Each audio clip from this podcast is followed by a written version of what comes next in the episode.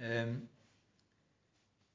og når vi da skal snakke om Josef og lese fra om Josef Nå har dere Biblene foran dere. Slå bare opp med en gang i Første Mosebok. Kan slå opp i kapittel 37, eh, der, eh, der egentlig historien om Josef begynner. Eh, det, begynner jo litt før, da, fordi at det skjer noen fødsler og sånne ting. Mange brødre som blir født. Så der blir jo Josef nevnt eh, første gang. Men eh, det er fra kapittel 37 utover at vi virkelig skal eh, dukke ned. Og Så ber vi en bønn til, for jeg kjenner at det skal vi Vi skal bare be så mye som mulig, og så skal vi gjøre noe etterpå. Og det er av et ord som går igjen i Josef-fortellingen, og særlig i de siste kapitlene, og det ordet 'velsigne'. Det nevnes så mange ganger, og det er så mange som velsigner hverandre. Det går på et kryss og tvers. Så det har jeg lyst til at vi skal gjøre i dag. Vi skal velsigne hverandre. Vi skal velsigne de som ikke er her. Vi skal velsigne ledere i menigheten. Vi skal velsigne byen og landet. Vi skal velsigne eh, ja, Jesus snakker om velsigne dem som forbanner oss. Så det, da, er vi, da er vi liksom helt ute. Sant? Og det kan, det kan, vi gjøre mot, mot slutten av denne samlingen i dag. Men la oss be sammen nå først. Kjære Jesus Kristus. Josef han lå sikkert der om natten og sov. Og så ga, han du, ga du han en drøm. Og så var det seinere så fikk han en ny drøm da han sov. Så du talte til han, Herre åpenbarte ting for ham. Og nå ber vi deg om at du gjennom ditt ord også åpenbarer ting for oss som har betydning for våre liv, kanskje betydning for fremtiden vår, som sier noe om andre. Tal til oss, Jesus Kristus. Og tal til oss gjennom ordet ditt. La det være sånn for oss at når vi, når vi ber deg om å tale til oss, så er det først og fremst at vi søker ditt ord og finner ditt svar. Velsign, Herre Jesus, samlingen i dag. Velsign menigheten vår, Jesus. Velsign den romersk-katolske Nei, romersk den, Hva heter det? Nordisk-katolske kirke. Ja, nå har vi velsignet langt utover også. Herre Jesus. Velsigne Otta Myrseth og hele flokken han har rundt seg. Håkon Andersen som diakon, Herre. Jesus, kom oss i møte. Amen. Josef han var altså en gang en liten gutt. Det må vi regne med. Ja, det vet vi. Han var jo førstefødte til eh, Rakel. Og det var utrolig glede. Rakel fikk en sønn, endelig, og ikke en sønn gjennom sin trellkvinne eller tjenestekvinne, som da hadde gitt til sin mann Jakob. Hun fikk sin egen. Gud så til Rakel, og Rakel fødte en sønn. Og han fikk navnet Josef, som betyr Gud la til.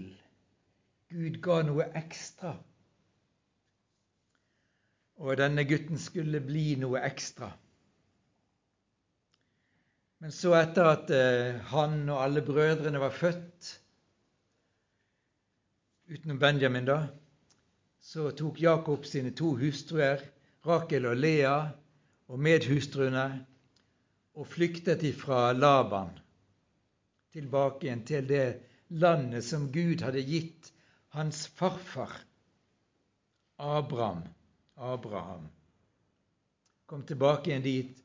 Og Der skal vi komme litt tilbake til dette, den tilbakevendingen og møtet med Esau. Det kommer vi tilbake til, for det tror jeg betyr, har betydd enormt mye i Josefs liv. Men der er de, og der er de andre brødrene. De er eldre enn Josef. Og, og kanskje en periode så er de ute og leker, og så er de ute og slåss.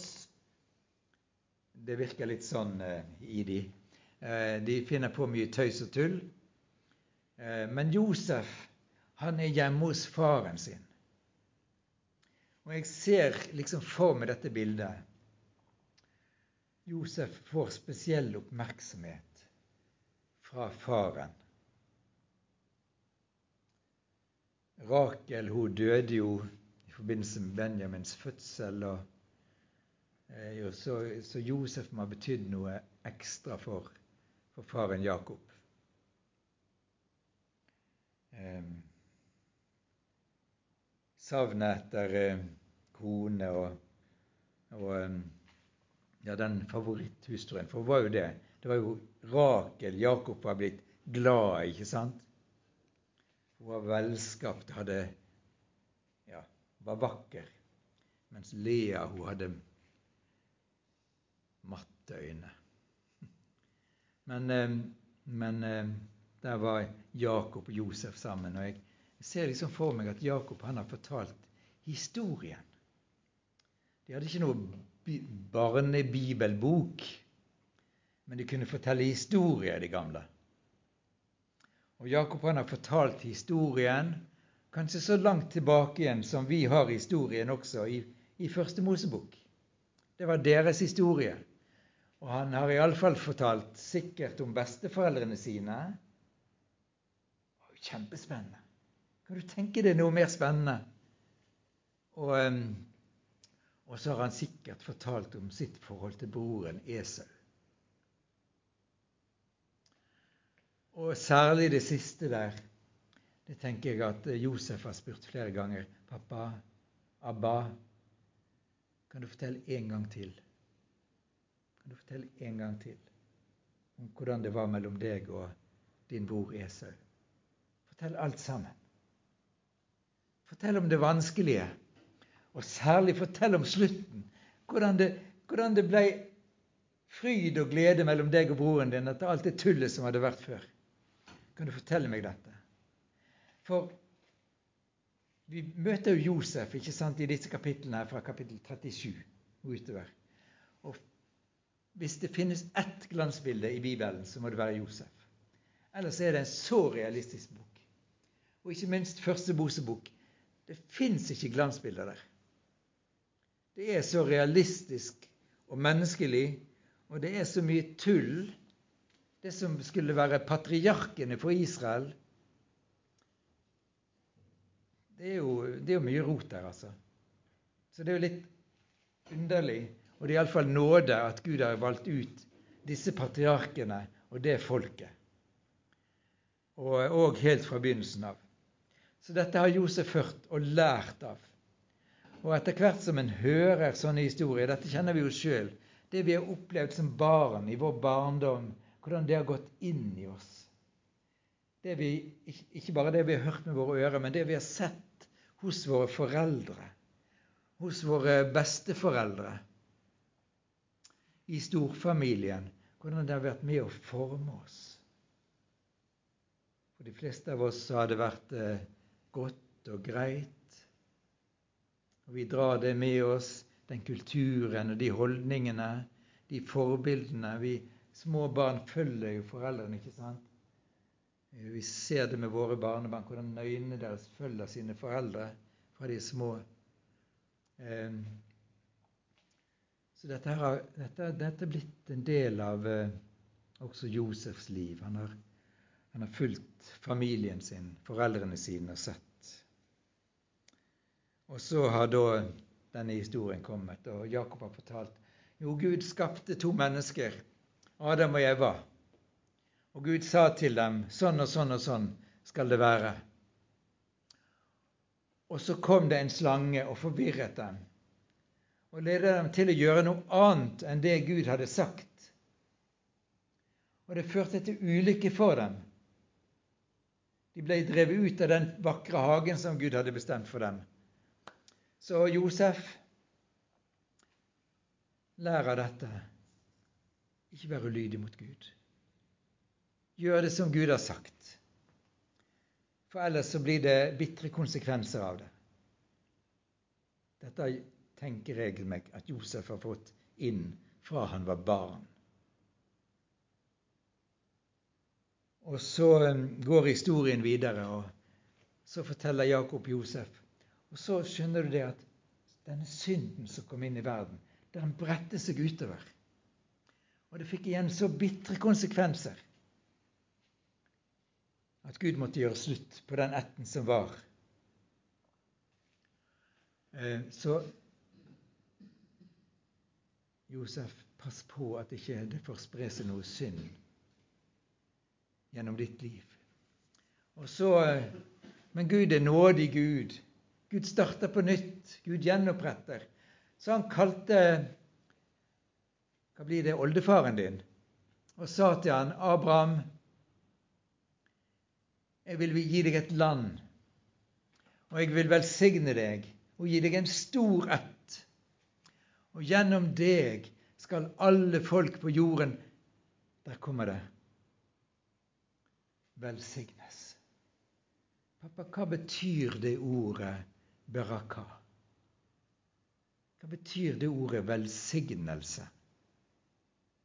Hvordan kan Vi skal lære litt hebraisk òg på bibelundervisningen Timoteus.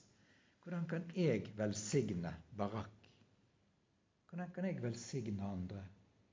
Og så må, må Jakob fortsette å fortelle denne historien. Så eh, Midt oppi dette her så, så roter jo Abraham og Sara det til. Sant? Når de må vente lenge vente lenge, være tålmodige. Så lærer Josef litt om det med å være tålmodig og vente på Guds time. At det er ikke sikkert det skjer i dag, det er ikke sikkert det skjer dette året, det er ikke sikkert det skjer de neste 70 årene. Men Gud er tro mot sitt løfte. Så lærer det om tålmodighet, utholdenhet, ventetid på Guds oppfyllelse av sitt løfte. Og når Abraham, Abraham og, og, Sara har rotet det til,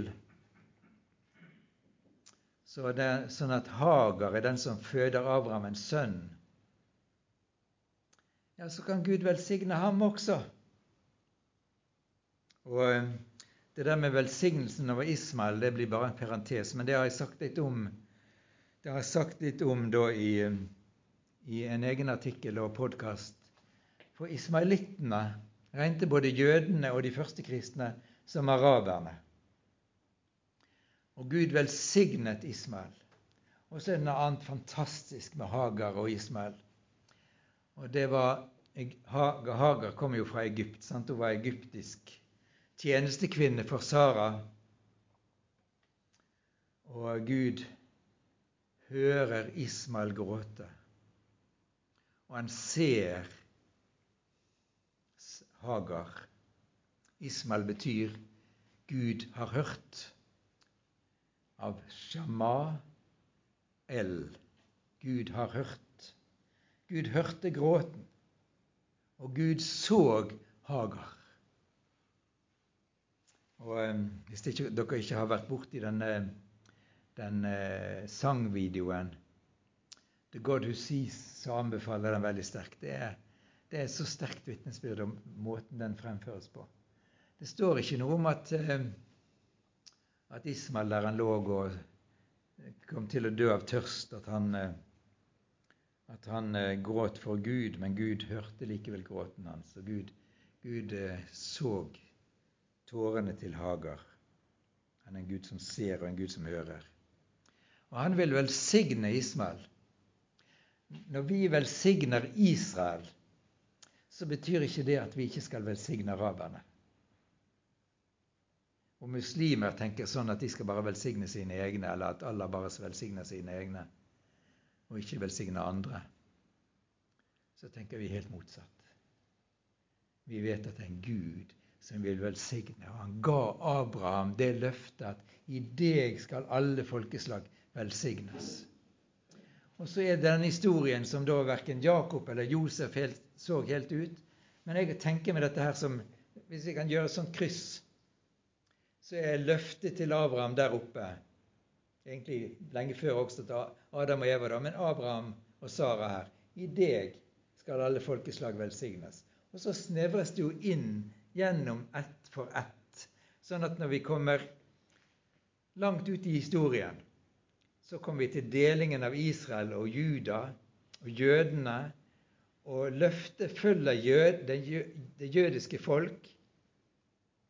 Og så kommer vi fram til Jesus, som da er akkurat der mine armer nå krysser hverandre. Det er Jesus, det er krysset, det er korset. Og så ut fra Jesus så utvider det seg igjen.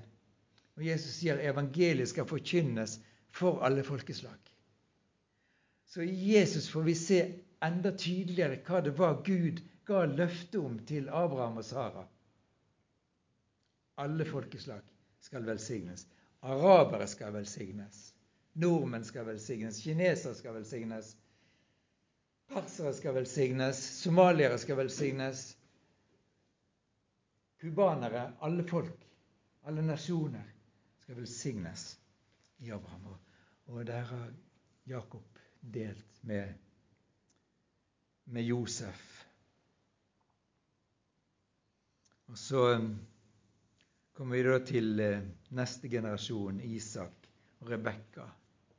De var jo fra samme folk. ikke sant? Eh, Abraham sier til tjeneren sin at du må sørge for at Isak ikke tar en hustru her blant dette folket. Du skal dra tilbake igjen til det folket som jeg kommer fra, og finne en kone til min sønn. Og denne tjeneren drar tilbake igjen, og han ber jo til Gud, til eh, Abrahams Gud, om at han må svare han, og så skjer det på underfullt vis at han møter Rebekka, som er søsteren til Laban. Og um, han får henne til med seg tilbake igjen. For det var den andre delen av det som var befalingen. At du må ikke ta min sønn Isak tilbake igjen dit. Han skal være her, i det landet som Gud har gitt løfte om. Men så er det noe der med Rebekka. Hun er flott dame, altså. Men de har noe i slekten sin som ikke er bra. Hva er det? Det er lureri. Det er manipulasjon. Og Rebekka tar det med seg inn i ekteskapet, inn i familien som, som hun og, Isak da har. Som manipulerer. Sant, og, og, og denne sønnen Jakob har det samme i seg fra sin mor. Et negativt trekk i slekten. Og det er jo gjerne sånn at det er noen negative trekk i, i slektene våre som Gud vil vi skal bryte. De negative tingene vil han vi skal bryte. Og de positive tingene skal dyrkes. Og Rebekka og, og Jakob da, de har altså dette. Så Jakob han klarer jo å lure sin bror Esau. Navnet hans betyr det også. Å narre. Så han lurer sin bror Esau to ganger. Og etter at han har lurt sin bror Esau den andre gangen med hjelp fra sin mor, nemlig å rane velsignelsen fra han, så sier Esau med seg sjøl at når min far dør, og det vil skje snart, så skal jeg drepe min bror. Og Rebekka får eh, høre det eller få nyss om dette, så hun sier jo til, til sin sønn at nå må, du, nå må du dra din vei. Nå må du dra til min bror Laban. Eh, og Jakob må flykte. Og Når Jakob da kommer til Laban, så blir han glad i Rakel. Jeg håper jeg ikke klusser med disse navnene, for jeg gjør ofte det. Men han blir glad i Rakel og um, får lov til å, å, skulle få henne som hustru. Hvis han arbeider for Laban i sju år. Og så gir Laban han Lea. Så mye ja. Manipulering og lureri. Og når da naturlig nok Jakob blir sint når han oppdager dette, her, så, så finner jo det Laban på en god, god unnskyldning, som sikkert var vanlig i kulturen. Eller det å gjøre det på den måten. Den eldste datteren gis først. Og så må Jakob da arbeide sju år som, eh, for at han også skal ha Rakel. Og så er det disse to, de to konene her. For de begynner å få, Lea begynner å få barn, og Rakel får ikke barn. Og så sier Rakel til slutt at nå får du ta min tjenestekvinne og få barn med henne for meg. Og så får de da barn, og så, og så får han barn med henne, og så blir, blir det konflikt mellom Lea og Rakel den konflikten bare øker på. Lea gir jo da sin tjenestekvinne også, ikke sant? Sånn at det er jo ikke så rart han fikk en del, en del sønner og døtre. Eh, til slutt så får altså Rakel da Josef.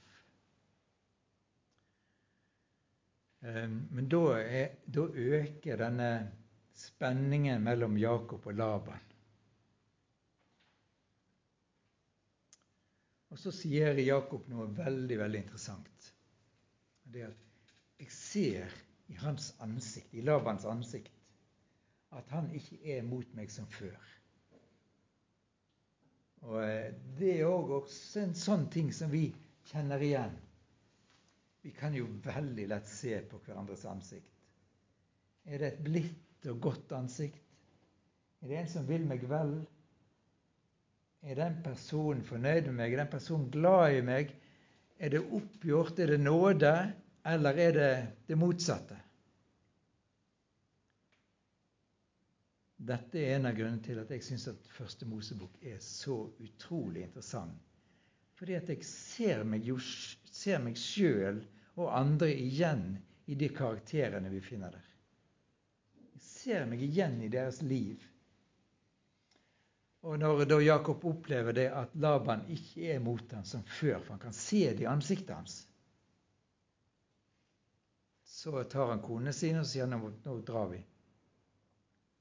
Og eh,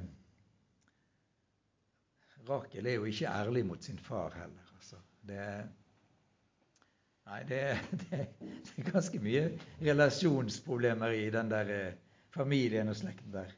Utrolig mye. Og på å si halleluja. Det blir kanskje litt feil, da. Men det er jo bare, er jo bare sånn at vi, vi, kjenner oss jo igjen.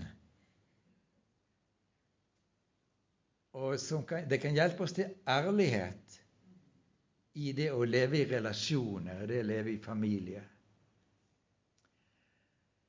Og så vet vi at ting gikk jo videre i de familiene, selv om det ikke var helt greit alltid. Sant? Ehm, men det er en Jakob som frykter én ting, og det er møtet med sin bror. Og Sea han skriver om, eh, om Jakob i Betel at Jakob gråt og ba om nåde. Gud, du ser denne situasjonen. Du vet hva jeg har rota meg bort i. Jeg har én bror, og jeg har ødelagt forholdet til han. Jeg måtte flykte fordi jeg hadde for Det er min skyld, alt sammen. Hva skal jeg gjøre, Gud? Nå er jeg konflikt med svigerfar Laban der bak. Og så skal jeg møte denne broren min som har sverget på at han ville drepe meg. Hva gjør jeg nå, Gud? Og Da er han i Betel. Han ropte til Gud og ba om nåde. Han gråt og ba om nåde. Og vi vet hvordan han kjempet. Jeg slipper deg ikke uten at du velsigner meg. Dette, dette greier jeg ikke sjøl. Jeg tenker det der er høydepunktet i det som Josef fikk høre fra sin far. Og så drar da Jakob av gårde, og han forordner mange ting som liksom skal blidgjøre sin bror. Og så kommer Esau han i møte. og omfavner han.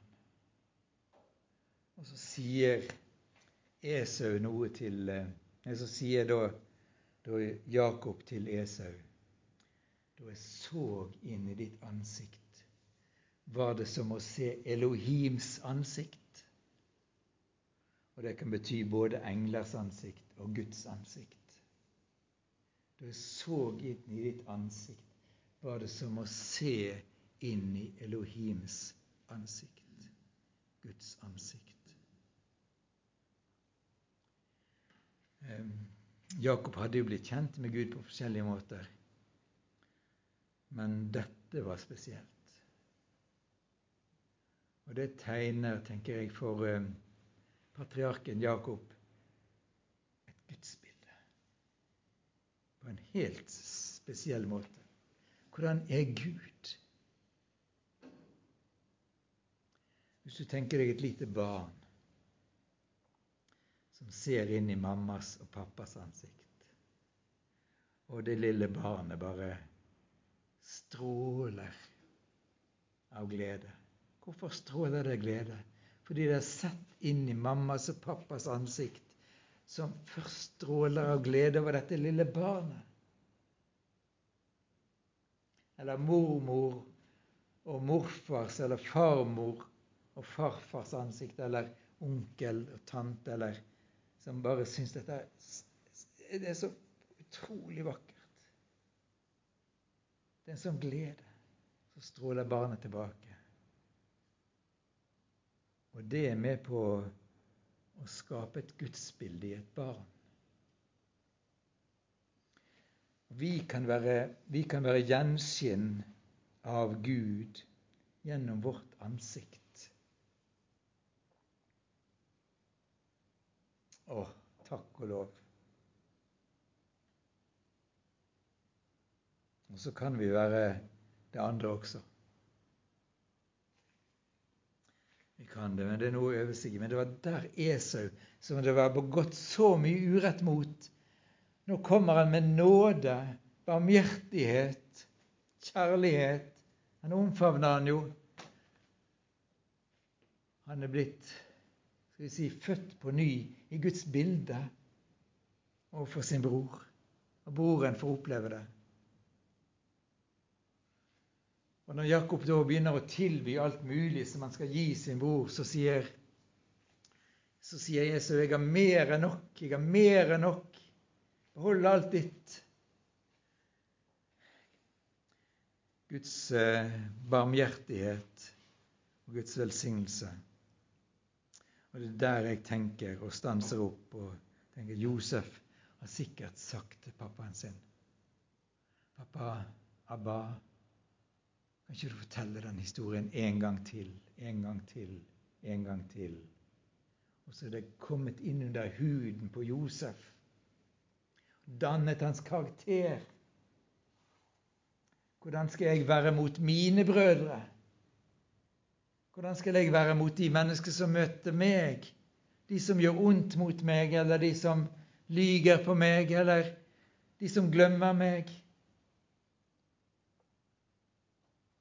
Kan jeg uansett være en gjenspeiling av Guds ansikt. Hvordan kan jeg være til baraka? Hvordan kan jeg være til velsignelse?